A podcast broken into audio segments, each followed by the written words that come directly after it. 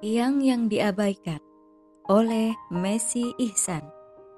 Bagaimana jadinya sebuah rumah bisa berdiri kokoh tanpa ada tiang yang kuat? Tentu rumah itu akan mudah hancur saat diterpa badai kencang atau bisa hancur berkeping-keping saat diguncang gempa besar. Bagaimana pula nasib penghuni rumah itu kalau hal buruk benar-benar terjadi di dalamnya? Meninggal secara mengerikan, atau bisa selamat oleh keajaiban takdir Allah Subhanahu wa Ta'ala. Sungguh, kondisi menakutkan yang siapa pun tak bisa membayangkan dan tak ingin pula terjadi di dalam kehidupan. Namun, ada hal yang jauh lebih mengerikan dan lebih menakutkan lagi. Tatkala seseorang yang ingin membangun sebuah rumah, tapi tak ada persiapan tiang penyangga sama sekali Jangankan rumah itu mampu menahan terpaan badai dan guncangan gempa, untuk berdiri saja tak bisa karena tidak memiliki tiang penyangga. Tentu, rumah itu hanya berbentuk rangka saja karena tidak memenuhi syarat dalam membangun sebuah rumah. Begitulah gambaran kondisi seorang Muslim saat lalai menjalankan perintah Allah atau secara sengaja mengabaikan semua syariatnya.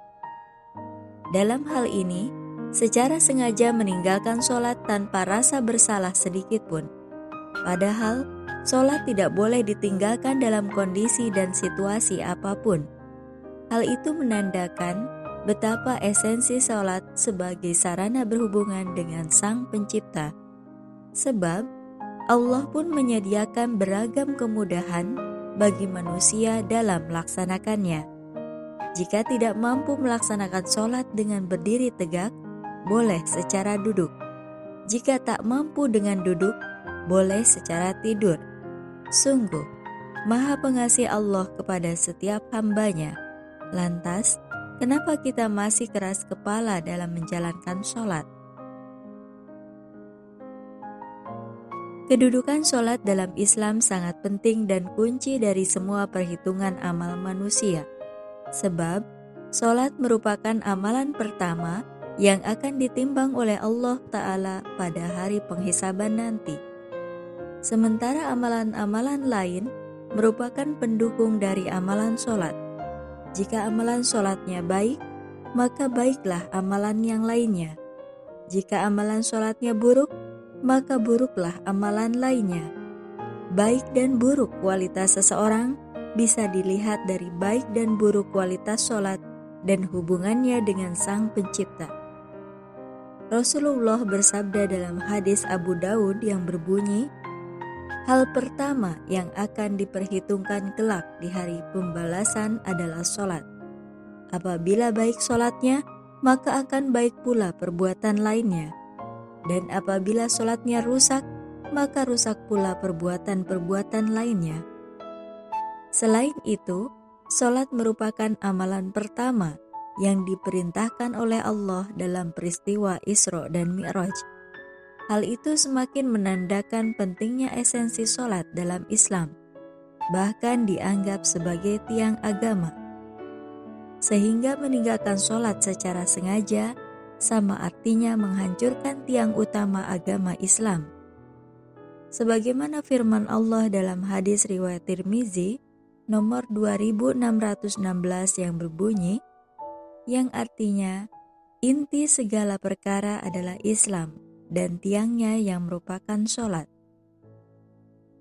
Jangan abaikan sholat. Sholat adalah alat untuk manusia melakukan komunikasi kepada Allah Sholat juga memiliki posisi yang sangat penting dan pokok dalam agama Islam yang tak bisa disamakan dengan amalan ibadah yang lain. Rasulullah bersabda dalam hadis riwayat Baihaqi yang berbunyi, Sholat itu tiang agama Islam. Bagi siapa mendirikannya, maka sungguh ia telah mendirikan agama. Dan bagi siapa meninggalkannya, maka sungguh ia telah merobohkan agama. Solat merupakan kunci syurga. Hal itu juga disebutkan dalam sebuah hadis Rasulullah dan solat adalah perintah Allah secara langsung tanpa menggunakan perantara malaikat kepada baginda Nabi. Selain itu, solat mencegah kita dari berbuat maksiat dan kejahatan. Sungguh, peran solat sangat menakjubkan untuk diri sendiri dan pengaruhnya dalam kehidupan. Mengubah diri manusia menjadi pribadi yang lebih baik. Selain itu, kita sudah menunaikan kewajiban sebagai seorang Muslim. Kita juga mendapatkan banyak hal kebaikan saat tunduk dan taat pada perintah Allah, sebab setiap perintah Allah selalu ada hikmah yang bisa dipetik, sehingga meninggalkan sholat secara sengaja adalah tindakan bodoh karena membuang ladang pahala secara sia-sia.